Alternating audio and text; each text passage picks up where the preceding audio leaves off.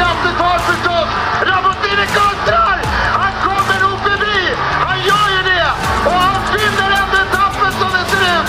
Han vinner ändå! Det är ju helt makalöst! Dette er Gruppo Compato, en podkast fra Sykkelmagasinet med Jarle Fredagsvik og Jonas Lindstrøm. Det var jaggu på tide, Jarle. Tilbake i studio. Lenge siden sist. Ja, Har vi fortsatt en podkast gående? Eh, Ja, vi har jo på det, vi har det jo til eh, noen har gravlagt den. Og eh, vi har vært sånn halvveis under jorda, men vi, nå gjenoppstår vi før jul. Det er litt sånn feil, feil årstid sånn rent kristendomsmessig å stå opp igjen fra de døde, men gjenfødt, da. Kanskje det er det vi må bruke som lignelse nå i desember. Nå bryter jeg en gyllen regel her, men hvis vi har en lydtekniker på huset, så høres du litt høy ut. Er det noe du kan se på, Jonas? Høres jeg høy ut? Ja, Altså- når, du er, når du drar opp femtegiret, så spraker det i øra mine i hvert fall. Eh, Snakker vi volummessig, eller snakker vi sånn der personlighet, narkotiske narkotisk Volum. eh, egenskap? Volum. er Ja, godt du må jobbe med egoet ditt, du må tune deg selv litt ned, og la andre slippe til. Ja, det er jo en eh, røff oppgave. Eh, Det er ikke Ja. derfor man blir ansatt som en eh, programleder i en podkast.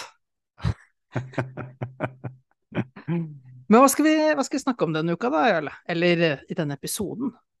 Nei, som så mange andre så har vi latt oss kjøpe og betale, så vi har jo Nei, nå tuller jeg litt, men Har vi, har vi fått mye penger? For jeg har ikke sett noe til det. Nei, vi har søren ikke fått noe penger, men du vet jo at det er inn å liksom være inne i varmen hos de store World Tour-lagene hvis man uh, utgir podkast. Det har du fått med deg. Ja, ja, ja. Så har vi blitt en slags uh, sånn her uh, talerør for noen, da, eller? Ja, på en måte. Ja, så bra. Uh, ja, men det som har skjedd, er jo at det har vært det som heter Team Days i Hertog den Bosch i Nederland. Eh, og i forbindelse med det så fikk vi en telefon fra norske Visma, som kalles Fisma i Nederland, hvor de sa vi skal ned dit og lage litt sånn PR-materiell. Og så spurte de oss har dere lyst til at vi skal eh, ta med noen spørsmål fra dere og stille til noen av de norske rytterne på laget? Hva sa vi da, Jonas? Altså, da tenkte vi den uh, muligheten må vi jo ta. Det er uh, Jumbo Visma og Uno X er jo de to eh, pilarene nærmest i norsk sykkel nå. Eh, Vet, du hva jeg kaller de? Nei. Jumbo X. Jumbo X. Oi, oi, oi. Ja, nå, nå er du nesten for artig, Jarle. Eh, jeg ser Takk. du koser deg gløgg i og jeg tipper det er veldig mange av våre lyttere også som har, har problemer med å holde latteren inne når de har sittet på trikken og hørt dette her. Jeg ser det dogger på brillene dine, så det, Ja, er, ja, det er, det er godt, godt tegn. Det er for bra. Eh, nei, men disse er jo en av pilarene. Vi har eh, altså det de har kapret fra det norske markedet, altså Tobias Foss, som ble vår første verdensmester noensinne på tempo, så hentet de Johannes Staune Mitte, vårt største talent, som eh, litt sånn uoppdaget kom gjennom eh, juniorklassen i de verste koronaårene. Og så snappet de opp Per Strand Hagene, som ble vår første verdensmester i juniorklassen på fellesstart noensinne. Og så har de jaggu meg plukket Jørgen Nordhagen før han i det hele tatt eh, ha- tenkt tanken på å begynne å avslutte sin juniorkarriere en gang. Så de har jo virkelig bare ikke plukket én og to av våre mm, fremtidige gullkalver, de har jo plukka kanskje vi må si de fire største talentene som finnes i norsk sykkel. Ja, det kan jo være at noen får skjegg i postkassa når du sier det, men eh, jeg er jo ikke uenig. Eh, men at de skulle hente Jørgen Nordhagen, det ble vel litt mer en sånn selvfølge. Vi visste at, at de var interessert. Eh, han har jo sittet på sidelinja og sett at eh, norske ryttere som går til laget, og belgiske ryttere, danske ryttere, altså de fleste som er Christoffer Laporte, de fleste som kommer inn i systemet der, Eh, De lever jo opp til hashtaggen development, eh, som UnoX sikkert også vil påberope seg. Men, eh, og vi, det er jo god utvikling i UnoX også, så jeg er helt enig med deg. To, eh, to gode alternativer. Eh, Kjempegøy at vi har Jeg tror litt av det er den norske co-sponsoren, men at vi allikevel har en sånn stige rett ut i kanskje verdens aller beste World Tour-konsept. eh, Kjempekult. Ja, og det er litt, det er litt spesielt, for vi har jo hatt uh, både Arvesen og Gabba ute i det som da tidligere var Team Sky, nå Injos. Og det var jo litt rykter om nordmenn hit og dit. alt fra Vegard Stake Laengen til Doffen back in the days, men det ble jo veldig veldig sjeldent så mye ut av det etter at Lars Petter og Edvald hadde gjort unna av sin, sin runde der. Men her har det virkelig resultert i noe. Og jeg tror dette her er noe norsk sykkel kommer til å nyte veldig godt av i årene som kommer. Eh, glemmer, Men, du, glemmer du nå halvt norske Magnus Sheffield? Altså, dette der igjen Nå, nå kommer vi inn på sånn her Raider Hesjedal-greie, hvor man eh, klamrer seg til halmstrå. Jeg håper vi, håper vi får nok norsk suksess til at vi kan slippe unna uh, å gripe etter de tingene der. Og, og, for, og, og, en som er i ferd med å bygge det, bygge seg opp en resultatmengde som uh, gjør at vi på en måte kan holde oss til, uh, til, de norske, og ikke prøve å halvveis kjøpe alle som kan uh, stotre frem et ord eller to norsk mellom linjene, er jo Tobias Foss. Og han var jo den første vi fikk stille spørsmål til nede på campen, så istedenfor at vi sitter og bare snakker tull, ja, eller kan vi ikke høre litt hva hva han hadde å si. Vi er i slutten av november 2022, og eh, Visma er på plass i Nederland hos eh, Team Jumbo Visma Service Course for å lage innhold med teamets ryttere. Og eh, blant en mengde sykkelstjerner og andre sponsorer har vi nå laget oss en liten norsk krok her nede. Og det er fordi vi har fått et celebert besøk av tempoverdensmester Tobias Foss, Johannes Staune Mittet og Per Strand Hagenes. Velkommen til dere. Nå er det sånn at uh, Visma er jo hovedsponsor for dette teamet, men uh, vi, har, uh, vi, skal ikke påberope oss å være verken sykkeleksperter eller sykkeljournalister. Så for dette intervjuet så har vi inngått et samarbeid med Sykkelmagasinet i Norge, hvor de har laget noen relevante spørsmål. Og for å begynne med deg, Tobias. Hvor annerledes er karrieren din før og etter 18.9.?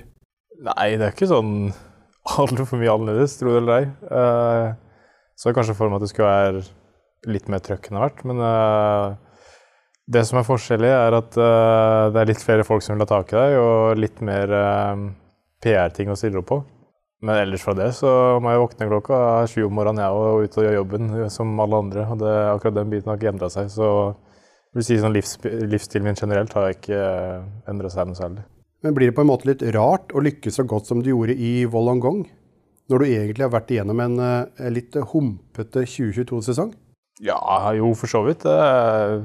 Det gjør det litt mer spesielt. Kanskje enda mer sterkt å, å, å, få det til personlig. At uh, da man klarer å lykkes såpass raskt etter en såpass trøblete periode, så er det, det, det er mye følelser involvert da. Det, det, er det absolutt. Så jeg vil nå egentlig si at, at det er mer veldig fint egentlig at det var på den måten. At uh, vi heller opplevde det på den måten, med de sterke inntrykkene, enn at alt har gått på skinner, og så kommer det mer som en selvfølge. Ja, jeg ser den. Du har jo vært nede i noen dype daler tidligere, og du har også vært åpen om det. Uh, begynte tvilen også å feste seg litt da kroppen ikke fungerte som optimalt etter oppholdet i høyden denne sesongen? Ja, det, det, er vanskelig at man har uh, forventninger på seg sjøl, og da man også føler et visst press eller forventningspress av, av lag og, og, media og sånne ting. Men uh, i hvert fall etter den giroen jeg hadde i fjor, at du måtte føle at du måtte levere på samme nivå eller bedre i år. Uh, men ja, til syvende og sist så var jeg ganske trygg på at, at, jeg skulle klare å komme tilbake, og at jeg bare måtte gi meg sjøl tid. så det var egentlig det var absolutt en utfordrende periode, men en periode jeg vokste veldig, veldig mye på. Mm. Men uh, hvor godt er det egentlig da å få den ultimate bekreftelsen når du nå kjørte deg inn i regnbuestripene? Nei, det er jo veldig spesielt. Og det var ikke forventa ikke noe sånt i det hele tatt. Men uh, det var, uh, det, var det, det, er superstort, og det var ja, nesten for godt til å være sant. Men det er absolutt veldig stort. Det kommer til å være Jeg håper det ikke er høydepunktet av karrieren min, men jeg skal jobbe hardt for at det ikke, ikke skal bli det òg. Ja, jeg ser den. La oss bare håpe at det kommer flere og større resultater i årene som kommer. Um, du har jo gjort unna en del lengre samlinger i høyden og kjørt relativt få konkurranser de siste årene. Ønsker du selv å fortsette i det sporet neste år?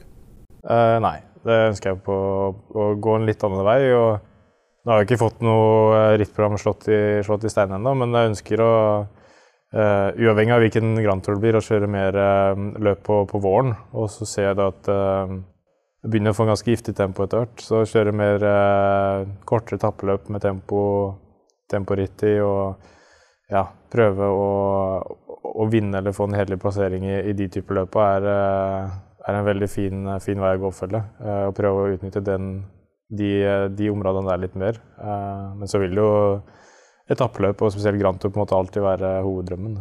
Ja, da kan vi jo høre med deg om du syns om veien inn til Tour de France. Føler du at den er litt stengt fortsatt? Og samtidig lar du deg friste av nesten sju mil med tempo i Giro d'Italia neste år?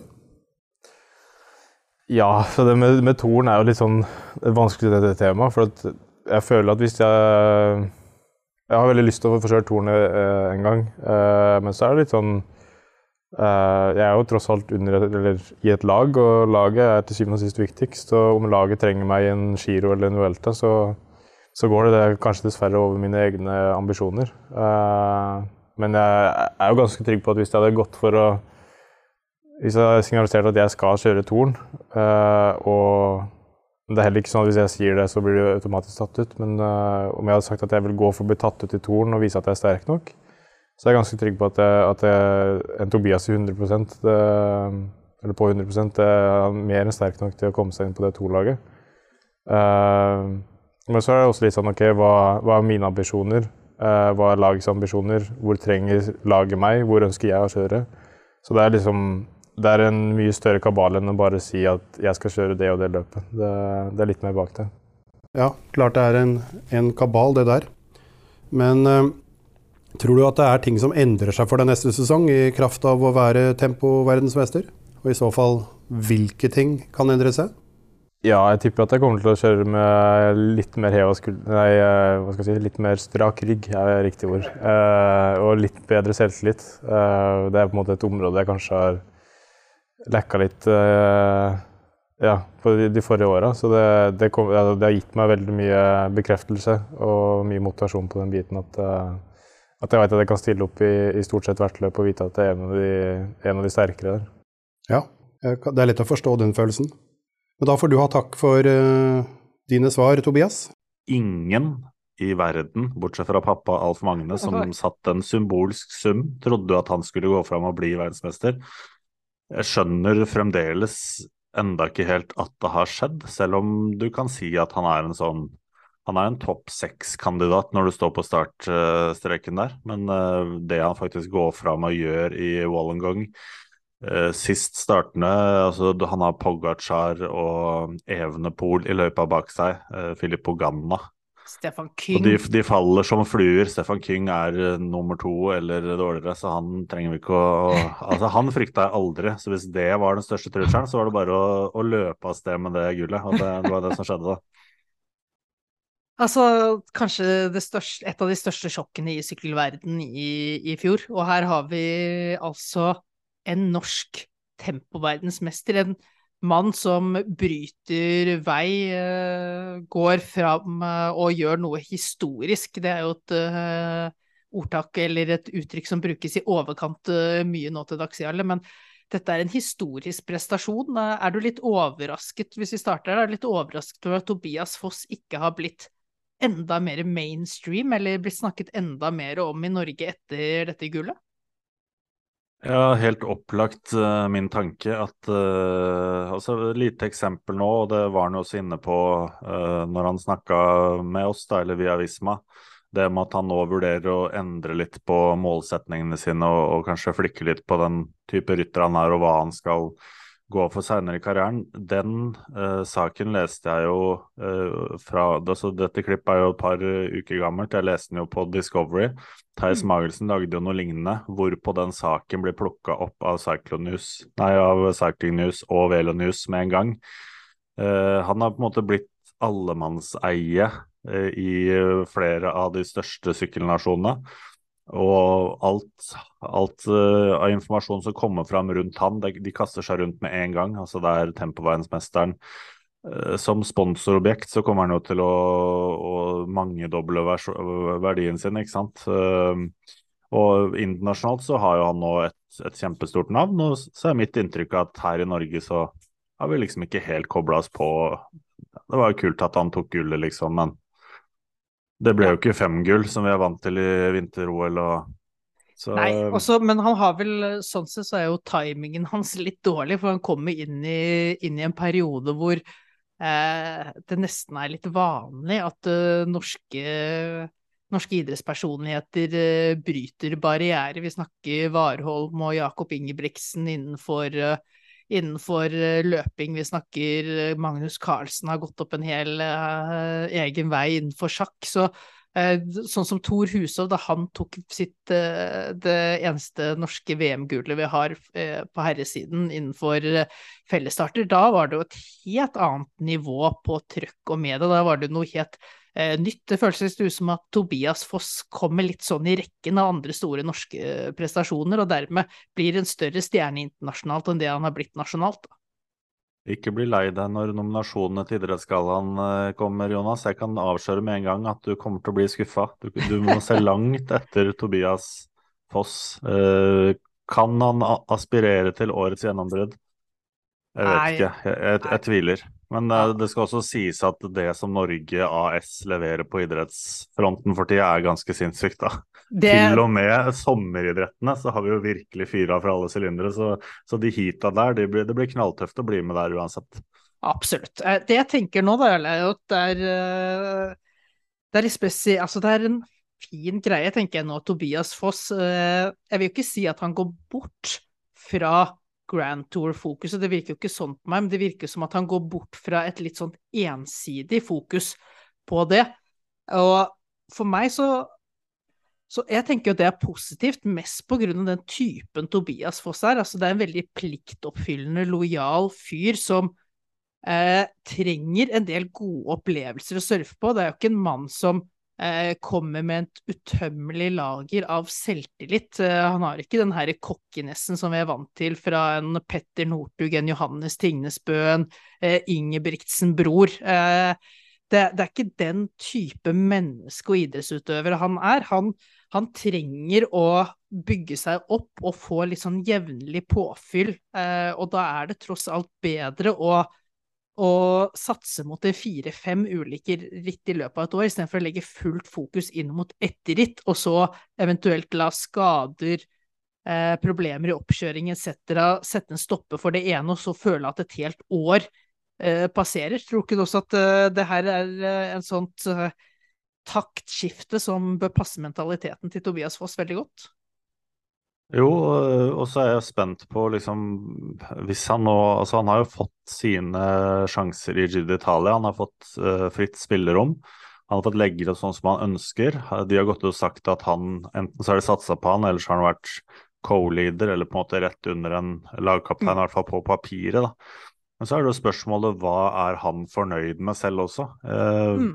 Vi er vel enige om at Tour de France og de litt uh, seigere, eh, slakere bakkene der enn du finner i Vueltaen og Giron innimellom, i hvert fall, eller som en hovedregel, eh, passer han enda bedre som type. Men så er det jo mange, eller i hvert fall flere foran han i den køen. Så altså, vil han være fornøyd med en Krausweik-rolle? Sannsynligvis, men eh, Ja, ja, men så er det sånn Det er litt snakk om hans videre karriere også, for det er vel en kontrakt som går ut etter neste sesong, er det ikke det her, Jarle? Så det kommer jo til å bli et eh, I så tilfelle så kommer det til å bli et litt sånn eh, Det er fint å få sjekke litt ut i år, da. Hvordan, eh, hvordan han eh, trives i litt ulike roller, også med tanke på valg han skal ta, og hvilken retning han ønsker å gå etter denne sesongen her. Og så er det noe med at én konkurranse kan være nok til å endre alt. Det er dette med de små Mm. marginene innenfor idretten. Altså en eh, ganske tung sesong for Tobias Foss. Stanger og stanger. Eh, ikke fornøyd med det han foretar Giro d'Italia, selvfølgelig. Går vel på nok en smell i høyden her. Han prøver liksom å lappe det sammen igjen, og kommer jo uten forventningspress overhodet til Australia. Eh, og så blir han tempoverdensmester, og uh, hva gjør det for framtidsmulighetene hans? Hvilke muligheter åpner seg nå? Hvordan mm. takler han den situasjonen? Det skal bli veldig spennende å se. og så jeg må bare si at En utrolig fin type. Da. altså Hele den der prosessen fra han liksom gjør en god konkurranse, sitter og venter i hot seat, skjønner ingenting, skjønner at det blir gull er liksom live med, med søsteren sin og, og, faren sin hjemme på Vingrom. og liksom, ja, Vi viser personligheten hans veldig godt, da. Det er veldig jordnært. Det er jo i motsetning ja. til en del andre utøvere som også er veldig gode, men som kanskje sier mer enn de egentlig uh, har på hjertet, så er dette her en, uh, en stor, stor idrettsmann som uh, sier mye mindre enn det han egentlig har å bidra med. Så det er jo en fyr man burde høre mer fra. Helt enig. Var det eh, mer fra han nå, eller var det, var det, et hint om at det, det, kom noe annet? Nei, jeg tenker vi, Det kan runde av praten med Tobias Foss på, er jo at det er lett uh, i idrettsverdenen så er det lett å bli litt sånn blind på det siste man har sett, og dermed både blind på, på måte positive siden med tempogullet, men også det som gikk gærent underveis i sesongen. Jeg bare tenker litt tilbake til Algarve, det første uh, rittet han kjørte i 2022-sesongen måten han fremsto på i det rittet der. Én ting var at han var kraftfull og fysisk form, men han kjørte ekstremt majestetisk. Måten han jobbet feltarbeidet han hadde der, det var en, det var en utgave av Tobias Foss som jeg på en måte håper at dette tempogullet eh, stilte han tilbake i samme mindset som det han gikk inn i den sesongen med. For eh, det, det, kunne virkelig blitt noe bra gjennom hele 2022-sesongen om man hadde unngått alt mulig. Og med denne boost, selvtillitsboosten fra tempogullet inn, så blir det utrolig spennende å følge han i flere av disse her, eh, et kortere etapperittene gjennom 2023. Det, det, kan bli utrolig morsomt å være norsk. Var det ikke året i forveien han var veldig imponerende i Tireno Adriatico? Hvor han vel da sykla som hjelperute for van Ert? Ja, det er godt mulig. Ja, jeg lurer på det. Og vi må også legge til at vi, jeg var jo Jeg ville jo ikke ha han med i VM-troppen omtrent. Så, så godt traff jeg da med mine når vi skulle synge litt med slaktekniven foran dette VM-uttaket. Du skal aldri så. ta ut et uh, mesterskapstropp, og det er, vel, det er vel til det beste for alle parter, det, Ole? Ja, det er, er greit. Det får, det får andre ta seg. Det får andre ta seg. Men hvis vi hopper fra Tobias Foss, da, da, jo, da hopper vi jo også ned fra World Tour-nivået i Jumbo Visma-laget, og så kommer vi oss eh, ned mot development-laget, hvor Jørgen Nordhagen skal bli en del, men vi snakker fortsatt uh, over en sesong til han, uh, til han går dit. Så i mellomtiden så er det jo fokus på Johannes Staune Mitte og på P. Strand Hagenes. og disse gutta og lagkameratene deres på utviklingslaget, de har en årlig tradisjon om å ta turen til Norge. Ja, eh, faktisk eh, i år så var det tredje gang siden 2019. Og det var det året Visma gikk inn som eh, navnesponsor, så det er nok en link der. Det var ett år de ikke kom seg dit pga. pandemien. Men de er der, nå var det der i tolv dager, og det var jo ned mot minus 20 eh, grader. Ganske Sjøen er litt annerledes enn Det er litt annerledes enn Nederland. Ja, det er, eh, men som de også sier, da, så er det jo på en måte en sånn uh, hotspot for uh, utholdenhetstalenter i, i Norge. de produserer jo selvfølgelig langrennsløpere på samlebånd. også syklister har de begynner å få en ganske bra track record på. og flere av disse utøverne jo, har jo tidligere vært langrennsløpere. Har gått over til sykling. Jørgen har jo ikke sier jo selv han ikke har tatt det endelige valget, men han har jo skrevet under eh, for fire år med Jumbo Visma, så jeg vil jo si at uh, Det sender jo noen du... signaler om hva han tenker om framtiden, iallfall. Ja, da har du langt på vei tatt det valget, tenker jeg. Uh, og så har jeg jo fått et lite forhold til han Robert de Groot etter hvert, da, som også har vært gjest på podkasten vår. Og han står jo der med åpne armer når jeg kommer dit. Uh, og han er jo brennende opptatt av utholdenhetsidrett. Eh, nå var de innom NTG på Lillehammer og gjennomførte fysiske tester med Bent Rønnestad, så det liksom utvikla samarbeidet litt den veien. sånn som jeg har forstått det, så den overgangen til Staune Midte, det sydde egentlig litt eh, Lillehammer, CK og Jumbo Visma nærmere sammen, da. Så veldig mye av det han lærer i laget om ernæring og trening og sånne ting, det kommer også talentene ved MTG-linja på Lillehammer til gode. Eh, så det er litt sånn derre dragkamp, kanskje, da. Fordi eh, Lillehammer har jo også et bein i UNX-leiren, ikke sant. Og dette var vi inne på tidligere. altså eh, Veldig mange gode norske syklister, veldig mange av de er i UnoX, og så har de kanskje mista noen av disse toppnavnene til, eh, til Jumbo Visma som, som, virkelig har begynt å, å få fotfeste i Norge. Så jeg syns det, synes det er kjempespennende og veldig artige typer. Da. Altså, jo mer jeg snakker med Per Strand Hagenes, jo morsommere er det, fordi han er han er sånn no bullshit-fyr. Han tror på det han gjør. Han er utrolig ivrig i treningsarbeidet. Han er en vinnerskalle. Eh, han har jo liksom sine egenskaper som gjør at han er i stand til å vinne sykkelløp. Uh, ingen av disse guttene vi snakker om nå, er jo sprintere, verken på langrennsski eller med sykkelen. Så de må liksom de må finne andre måter å, å, å prestere og vinne på. Da. Og det, mm. det har vi allerede nå. Og da vil jeg også slenge en sånn liten Uh, altså til, til Norge. Uh, det eh, Staune Mitte gjør for utviklingslaget til Jumbo Visma, det Per Strand Hagenes har gjort i år. Altså det er det få som følger med på Norge. Mediemessig så er det det koker helt bort i Uno X-corn. Så vi må sperre opp øya litt og se hva de gutta her gjør allerede nå i karrieren. Og det blir jo kjempekult å følge det videre. Ja, for det er klart du har en Archie Ryan og du har et par andre som har levert godt på dette kontinentallaget, men eh, hvis du skulle satt opp en liste over de største talentene som kommer der, og som på en måte skal bygge framtiden til Jumbo Visma slik de tenker, så er jo det faktisk eh, en trio fra Norge nå, da, med Staune Midt og Per Strand Hagene som banevei, og så en Jørgen Nordhagen som kommer ut. Eh, opp nedenifra. Det er, eh, som du sier, det er noe som foregår litt under radaren fra det, det store Medie-Norge, i hvert fall. Men eh, på et eller annet tidspunkt så kommer historien om hva som skjedde her, måten dette er blitt bygget opp, linken mot mot Lillehammer. Alt det der kommer til å bare åpenbare seg og bli en historie man forteller mer sånn etterskuddsvis, da, etter at disse her har klart å komme opp på det toppnivået de, de kommer til å komme opp på. Og det er jo klart at uh, Robert Techroth, som er uh, talentsjef på akademiet der, han har nå fått blod på tann. Han sier til meg at uh, jeg kan ikke se for meg at dette er den siste nordmannen vi signerer. ikke at han har pekt ut konkrete mål, men nå er liksom en kvartett på vei inn. for Jørgen er jo ikke helt klar, som du sier.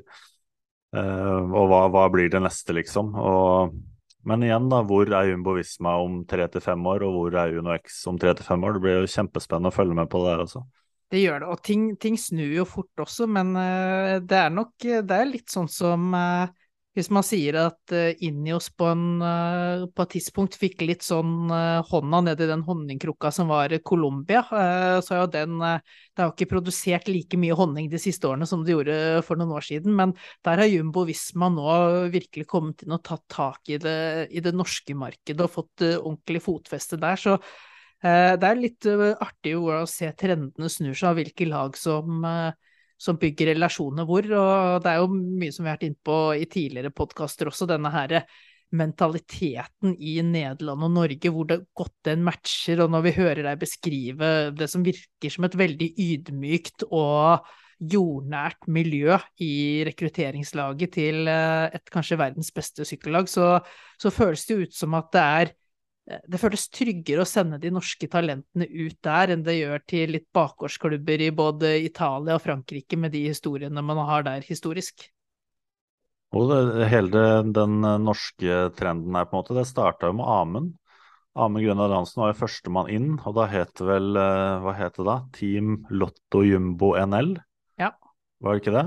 Eh, og han har jo sagt i ettertid at han var jo på en måte heldig som kom inn på det tidspunktet han gjorde. Altså, det var jo etter eller i den perioden der det virkelig eksploderte, da, når van Art ble jo egentlig kjøpt fri fra hans avtale. Mm. Roglic, hvem hadde tro på han egentlig i starten der? Og selvfølgelig, vi, vi vet jo hvem de har henta etter det, men uh... Altså, han var jo med på gjenoppstandelsen av laget. Var vel Lars Petter Norhaug var vel innom der, men det var en sånn mellomfase etter at Rabobank hadde falt ned, og før Jumbo eh, Visma fant ordentlig fotfeste som en storhet.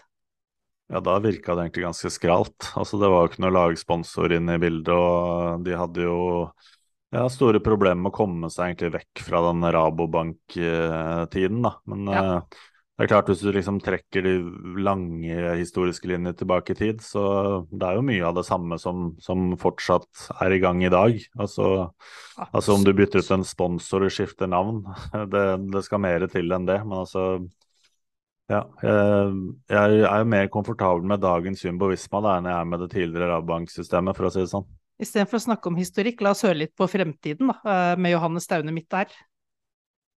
Og så er det jo sånn I, i Jumbo Visma så lærer man seg tidlig å toppe formen inn mot konkrete mål underveis i sesongen. Det kan bl.a. dreie seg om Tour de l'Avenir eller Ronde de Lizard. Hvilke erfaringer har du gjort deg gjennom å jobbe på en slik måte så langt i karrieren? Yes. Um, det er ikke noe tvil om at uh, vi på en måte har um, Ja, det var ganske tydelig når sesongen begynte at det var, uh, at det var kanskje Tour de som var det største målet. Um, vi fokuserte veldig på det. Jeg var på en høydesamling, fikk lov til å være med deler av profflaget på det uh, i, i, juli måned i forkant av Tour de. Og det ga meg veldig mye, og jeg kom, et, kom opp på et veldig bra nivå.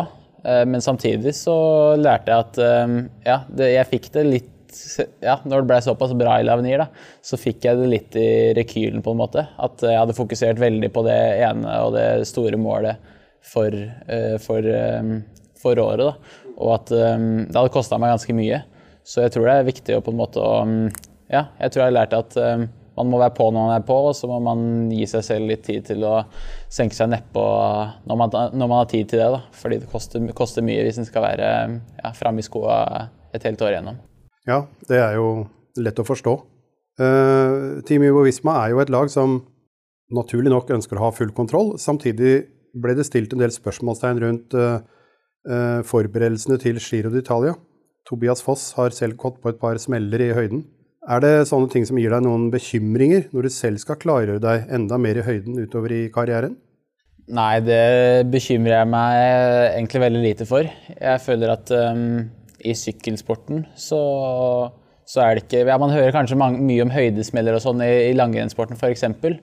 Eh, men jeg føler i sykkelsporten så er veldig mye så målbart at, eh, at eh, ja, veldig ofte så er det mulig å unngå. Og jeg tror at Tobias i tilfelle i det tror jeg var et, var et, uttak, et, unntak, og at det var noen, helt sikkert noen uheldige omstendigheter som, som sørga for det. Så jeg har egentlig full tiltro til at ja, opplegget laget legger opp til, er, eh, ja, det er noe som, eh, ja, noe som skal gjøre at jeg unngår det. da. Man uh, lærer kanskje litt av noen sånne smeller i høyden også? Det er akkurat det. Ryttere utvikler seg jo litt forskjellig, naturlig nok. Og de har forskjellige mål som ryttere. Per kommer til å ha to år bak seg på development-teamet før han blir World-rytter, og Jørgen bare ett. Mens du holdes litt igjen og får tre sesonger på development-teamet. Kan det være en utfordring for dere å se ryttere bli behandlet på forskjellig vis? Ikke egentlig. Eh, I hvert fall ikke for min del. Eh, jeg føler i hvert fall at, eh, at jeg får den tida jeg trenger. Og at det er jo veldig personlig. At det fins jo, jo, ikke noen oppskrift på hvordan man skal gå fram.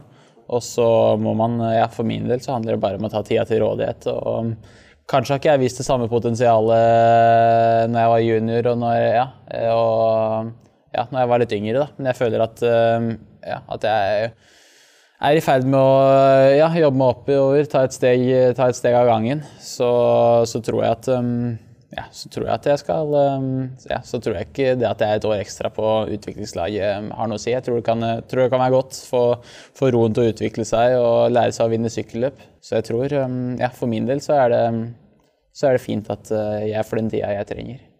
Det høres veldig bra ut at du har den tilnærmingen til at ulike ryttere får litt ulike programmer og, og, og tid på development-teamet. Så skal jeg sitere deg selv.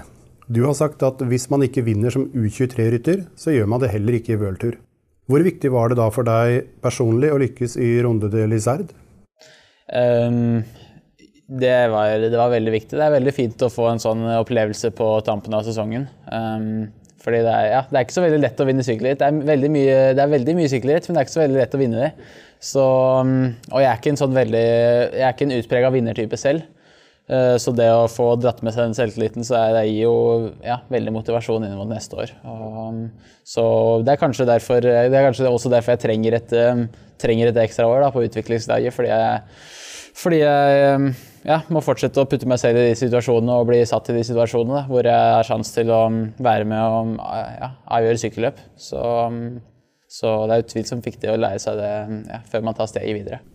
Men um, utover Tour de l'Avenir, hva slags mål har du satt deg for uh, neste år? Um, jeg har lyst til å vinne et proffløp. Uh, hva, enn det vil, uh, hva enn det vil si. Jeg vet heller ikke hva som er, um, hva som er rittplanen for neste år. Men um, jeg veit at vi mest sannsynlig At det blir en ganske god miks av utviklingsløp og proffløp. Så jeg håper at det kommer en mulighet hvor jeg kan, ja, hvor jeg kan gå for det og, og ta, ja, ta, første proffseier. Det, det hadde vært kult. Det hadde vært uh, veldig kult, og da ønsker vi deg lykke til med det, Johannes. Det der, Jarle, det er et sykkeltalent som tidlig blir moden og voksen i, i læren om eh, utholdenhet og hvordan bygge seg opp til å bli en ordentlig etapperytter. Han opplever Han får mye sånn spesialisering og satsing i høyden og mye sånn veldig konkret lærdom i en veldig tidlig alder. Ja, og vi prøvde å lure han litt utpå der, fordi det funka veldig dårlig den oppladninga laget hadde inn mot Giro d'Italia, og det syns jeg egentlig de har fått lite pes for. Men det skal jo også sies da at uh, inn mot Lavenir f.eks. så var jo han selv i høyden. Og det er jo vanskelig å ta han på det han leverte den uka der. Han virka jo egentlig ganske bunnsolid. Uh, og så har jo vi diskutert, uh, for du altså Strand Hagenes har jo nå ett år til innenfor utviklingslaget, og så skal han opp til World Tour. Eh, Nordhagen får én sesong, og så skal han til World Tour, mens de har valgt å, å holde igjen uh, Støne midt til noe, da. Eh, du gir jo stikkordet eh, at han er moden her, eh, men jeg føler også at han han bygges kanskje opp til en litt annen type, da. Altså det er ikke Han går jo etter etapperitt allerede nå og vise at han kan, kan vinne mm. det også, selvfølgelig med bunnsolid støtte rundt seg. Men ja, altså, hvor har du lyst til å se han teste seg i, i årene som kommer?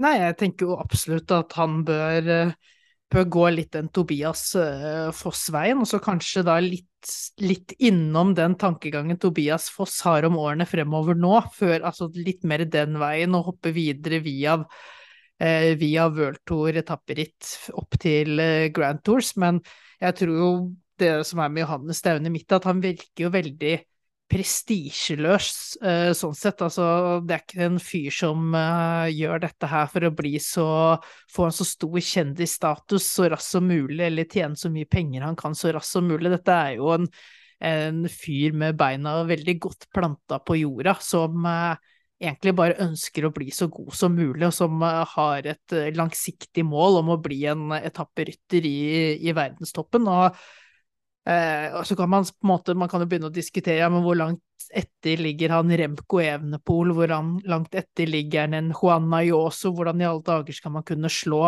slå de når han eh, ikke er på, ikke engang konkurrerer på samme nivå som de gjør nå, men det har vi jo sett også at eh, det er mange som, eh, som blomstrer i ung alder og som brenner ut ganske raskt også, så er det ikke sikkert at det skjer med disse her. Det kan være at Remco og Ayoso og noen til blir et sånt evig mareritt gjennom karrieren for Johannes Staune Mitte, men det er ingen, uh, ingen lineær progresjon uh, i, for, uh, for, ryttere. Så jeg tror jo det han og Jumbo Visma i fellesskap har kommet opp med som strategi og langtidsplan, at det er veldig fornuftig. og at det er liksom det er litt den her gode norske eh, tålmodigheten som eh, over tid forhåpentligvis skal resultere i at han, eh, han, får en lang og god karriere. og dette er jo en, en rytter som Han mangler jo kanskje det spektakulære og X-faktoren. Han har liksom sagt det selv også, at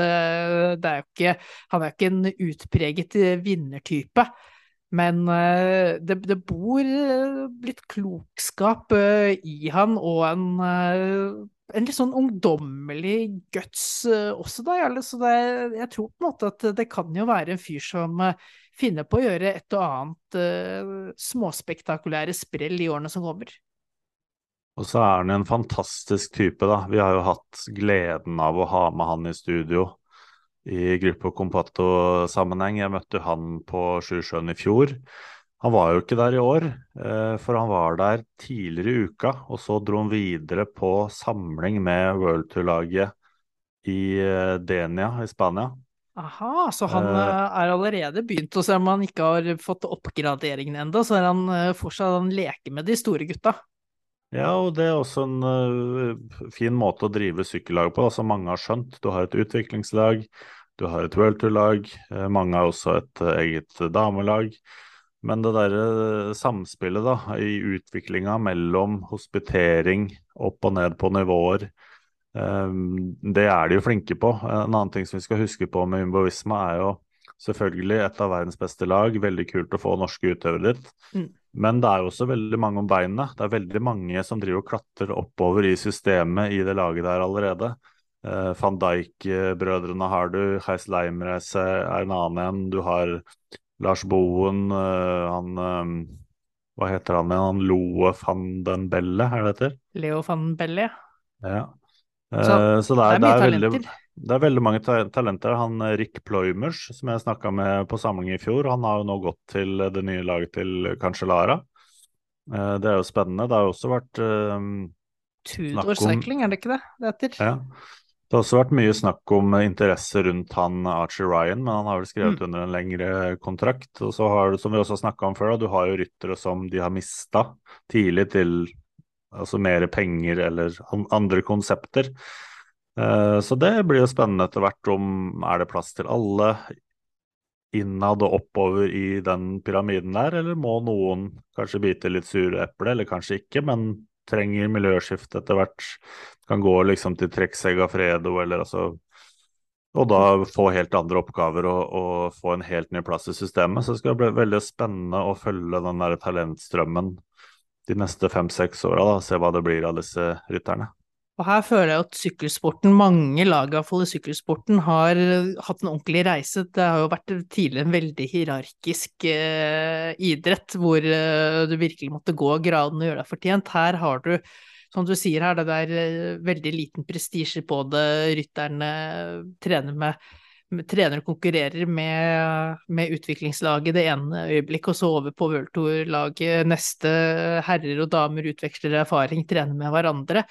Eh, og sånn sett så er jo det som er fordelen i Jumbo er at de er jo ikke så bundet opp mot, uh, mot ett sted. Altså det er jo ikke noe sånn at de uh, deres største drøm er å bygge den neste nederlandske Grand Tour-vinner. Altså det er ikke noe sånn at du at de brukte hele overgangsperioden på å prøve å få tak i Tymen Arensmann. Det var liksom greit nok at han endte hos Injos. Og og der har det jo sånn sett på en måte en, en, veldig internasjonal profil. Det har man jo hatt i andre, andre lag tidligere også, men inni oss har jo alltid liksom eh, vært der for å skape den første Tour de France-vinner eh, som er brite, og holdt på det britiske, og så fått et colombiansk bein å stå på i tillegg. Men her i Jumbo Visma så er det mye muligheter, og Johannes Staune Mitte kommer nok til å ta de mulighetene han får.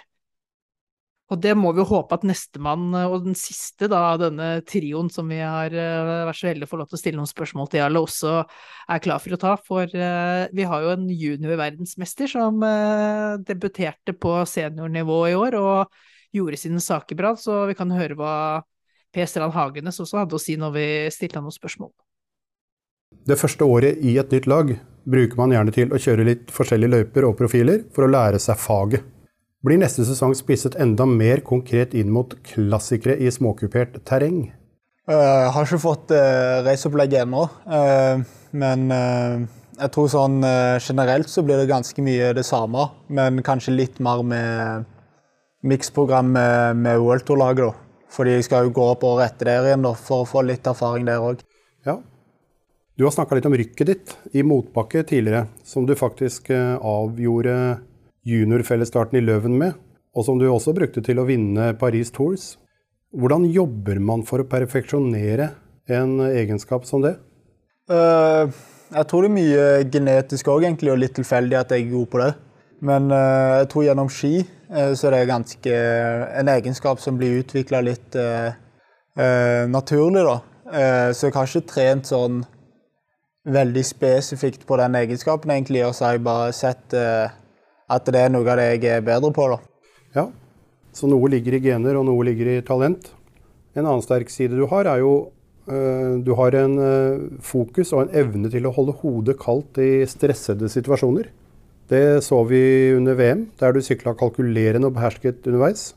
Hvor viktig er det at du klarer å beholde roen på uh, sykkelsetet? Um, jeg tror det er ganske viktig. Hvis ikke så ja, gjør du avgjørelser som ikke er bra da, for å få det best mulige resultatet. Ja. Sammen med Johannes, Tobias og nå Jørgen har dere laget en liten norsk koloni internt i Jumbo Visma. Tror du dette kommer av at dere har en norsk hovedsponsor, eller er det mer tilfeldig at dere har fire nordmenn innenfor samme satsing i årene framover? Uh, jeg tror det at uh, vi har en norsk hovedsponsor da, er med på at laget retter blikk mot det norske markedet. da. Men jeg tror òg det norske markedet egentlig Ja. Det, det, er jo ganske mange interessante ryttere der, tror jeg. da. Så du ser jo flere internasjonale lag går jo inn i, i markedet for å finne norske ryttere, da. Mm. Høres jo veldig bra ut at uh, nordmenn blir mer og mer verdsatt i den internasjonale sykkelsporten. Um, du har kanskje kjent litt på kroppen selv at det forventes mye av deg når du presterer godt i ung alder. En rytter som eh, f.eks. Andreas Leknesund ble omtalt som en flopp før han tok sin første World Tour-seier i Tour de Suisse denne sesongen. Synes du at omgivelsene kan bli litt for krevende i iver etter at unge ryttere skal etablere seg på toppnivået? Um, jeg tror det at folk forventer at man skal forbedre seg ganske fort nå. Fordi det er mange, eh, mange av de som har gjort det bra i ung alder, har eh, tatt steget veldig fort opp. Men så tror jeg det er litt sånn Hvis man har roen med seg sjøl, at det tar den tida det tar. Så ja, personlig så stresser jeg egentlig ikke noe særlig med det. Det er veldig godt å høre at du ikke lar deg stresse for mye av eh, omstendighetene og omgivelsene. Eh, nå kommer jo Jørgen Nordhagen også inn til Team Umbo Visma eh, i 2024. Begynner på U23-nivå. Og eh, etter årets sesong så har han jo allerede ganske høye forventninger knyttet til navnet sitt allerede. Hvilke råd har du å gi til Jørgen Nordhagen når han kommer inn på teamet? Ja, jeg tenker først er det å ta den juniorsesongen som kommer nå, og gjøre det så bra som mulig der. Og så tror jeg at eh, når han kommer opp og skal ta steget opp, så tror jeg det går eh, ja, jeg tror det går bra. Når han er i Jumbo Visma Development og de støtter bra opp under òg, så er bare til å ja, egentlig nyte det og bare bli med på reisen. Da høres det ut eh, for meg som at Jørgen Nordhagen er i trygge hender fremover. Takk til deg, Per Strand Hagenes, og igjen takk til Tobias Foss og Johannes Staune Mittet, som hadde tid til å møte oss her nede. Dere har et eh, hektisk program videre i dag, så lykke til med det. Og lykke til med 2023-sesongen. Visma takker av fra Team Jumbo Visma Service Course i Den i Nederland. Her har vi en annen type, Jarle, enn uh, både Tobias Foss, Staune Midt og for så vidt også Jørgen Nordhagen. Dette her er, om ikke det mest eksplosive eh, Sykkel-Norge noensinne har sett, så er det en, en med litt eksplosive takter. Eh, en mann som kanskje liksom i juniorklassen, du ser dem jo ikke så mye, Jarle, så du, du blir jo så overveldet over alt han fikk til prestasjonsmessig, og tenkte hvor fysisk fantastisk denne fyren her. Så har du sett han mer og mer nå i første senioråret, og du så det litt i junior-VM i, i, Belgia som han vant også, at det her er en iskald type. Dette er litt sånn uh, Fått litt den her uh, coolnessen som vi har sett fra en Petter Northug tidligere. Sånt. Han, han er ikke redd for å tape sykkelritt uh, for uh, å heller liksom gå all in for å vinne det, da. Ja, han her han, han er et sånt uh, lite monster. Det er Nei, det ene er fysikken hans, som er ganske ekstrem. Altså, han er litt sånn hushovdbygd.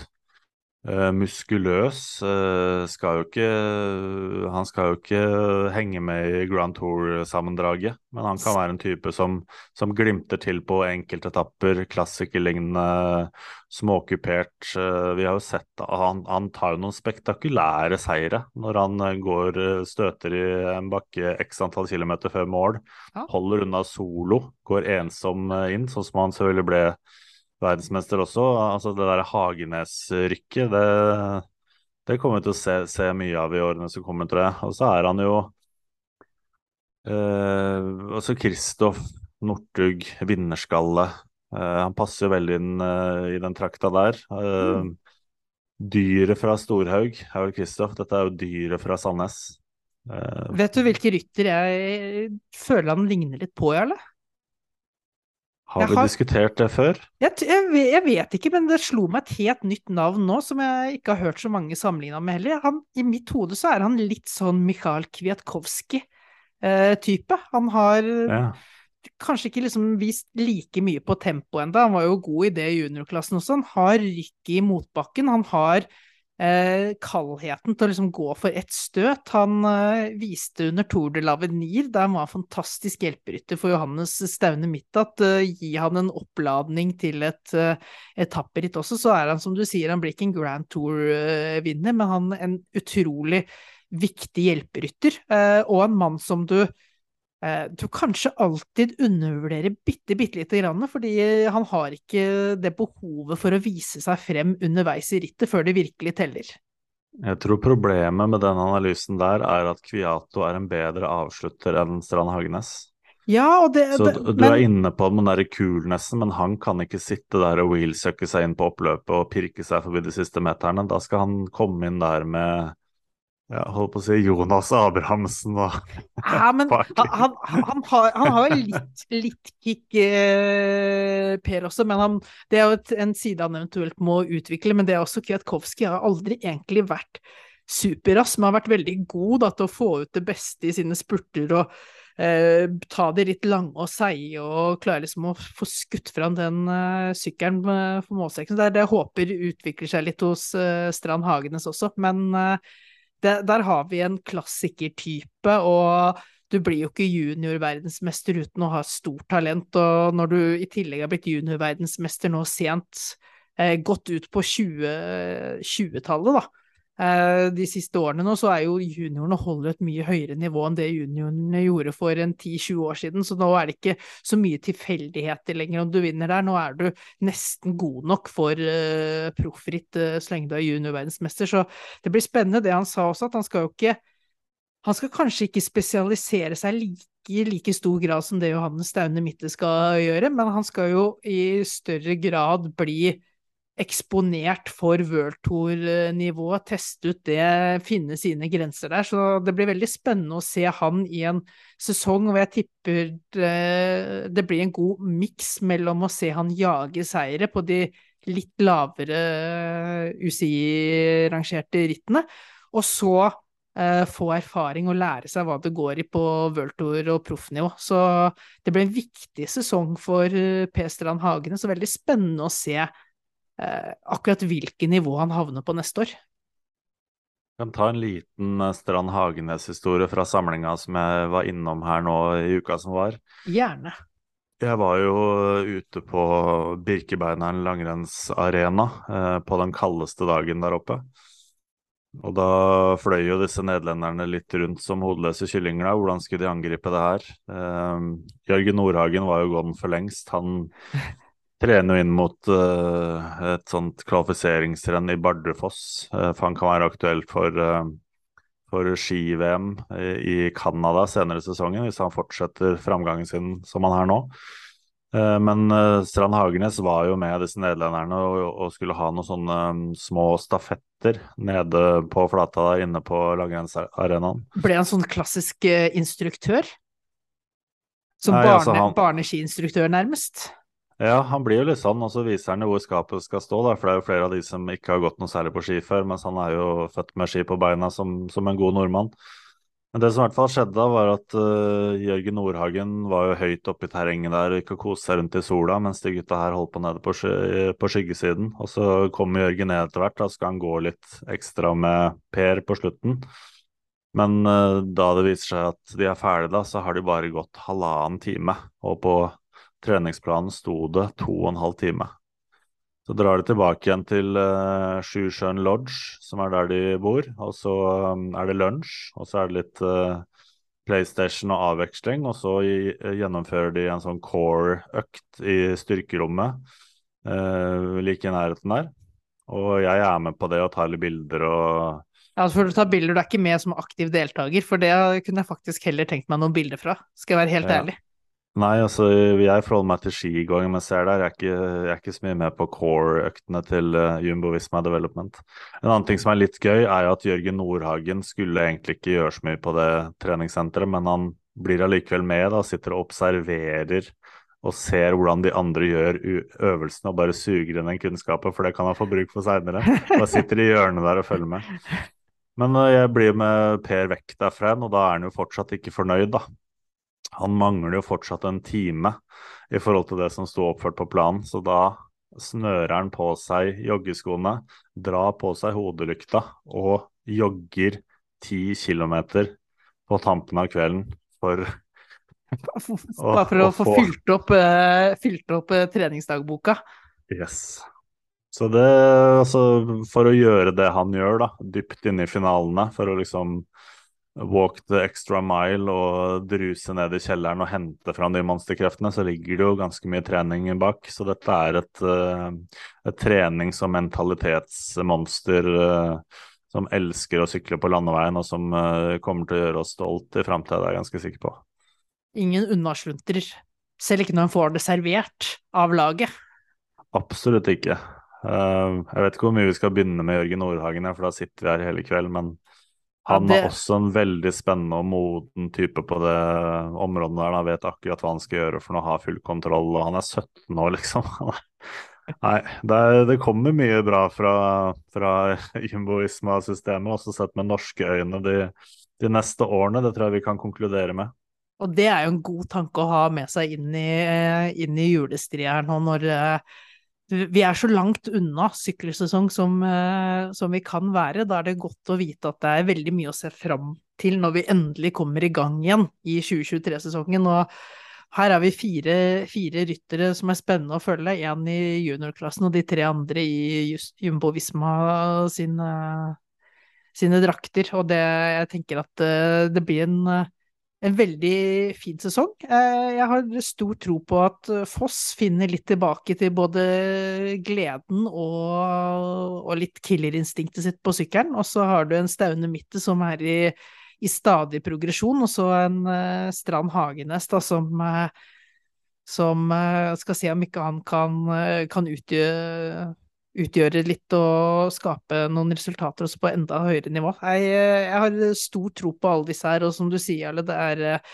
det, er, det er folk som gjør jobben, og det er en mentalitet her som en sånn stabilitet og soliditet i hvem de er som mennesker, som gjør at det, det er ikke noe tilfeldighet at de har oppnådd det de har oppnådd så langt, og det er vel det som også gjør at man føler seg ganske sikre på, på at dette her blir noe i framtiden òg.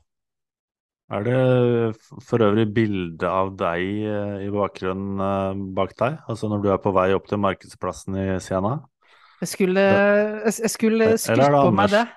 Dette her er godeste Wout van Ert første store rittet etter eh, koronapandemien. Det er det bildet som preger leiligheten, vil jeg si. Wout van Ert har fått hedersplass. Jeg syns vi skal sende en liten hilsen til Ingar Johansen, som har Han er jo content manager og fotograf eh, hos eh, Visma, som faktisk eh, gadd og hadde jo tusen ting han skulle gjøre på Team Days i Nederland, og som faktisk gadd å ta med spørsmålene fra oss og stille det til å samle gutta og stille de spørsmålene på en ekstremt hektisk dag, og så løse det såpass bra som han gjorde. Er imponert, jeg. Veldig bra. Det var eh, Vi fikk, eh, vi fikk mer enn hva vi kunne håpe på, Jarle. Og så hadde du fått en runde opp der, så jeg håper at lytterne føler at de fikk, fikk være med litt bak kulissene i dette laget her også. At det ikke bare var ren PR-prat. Eh, så nei, jeg håper, håper lytterne er godt fornøyd, at det var et sånt lite påfyll inn, inn i desemberkulda. Så får vi bare se hva som skjer med denne podkasten i 2023, da. Eller det er, det er vel ingenting som er oppe og avgjort der, så vi får se om vi, vi dukker opp igjen på nyåret eller ikke. Vi dukker definitivt opp på nyåret. Vi gjør det? Ja, det gjør vi. Ja, men så fint. Hvis du kan love det, så gjør vi det, da. Ja, det er den beste julegaven leserne, nei, lytterne våre kan få. Ja, det er veldig raust av deg. Du har jo nisseskjegget ferdig utgrodd, så det passer fint at du deler ut litt gaver her på tampen. Til og med litt av frostskade på nesetippen, med hilsen uh, Sjushan. Altså, hva du gjør for å grave fram nyheter og skape kontakter, Jarle, det er, uh, er imponerende. Endurance, baby. Endurance. ja, men da kan vi iallfall takke for 2022, eh, da, Jarle. Takk til alle lyttere som har giddet å høre på. Takk for Sykkelmagasinet som uh, valgte å satse og videre satse på denne podkasten. Og så får vi bare glede oss til neste år, for uh, med de rytterne vi har, så må vi bare komme tilbake og kommentere mer av det som skjer. Eller holde lytterne informert og gi dem litt godt innhold. Hasta la vista, babies. Gruppo Compato er en podkast fra Sykkelmagasinet. Denne podkasten ble produsert av Medievekst.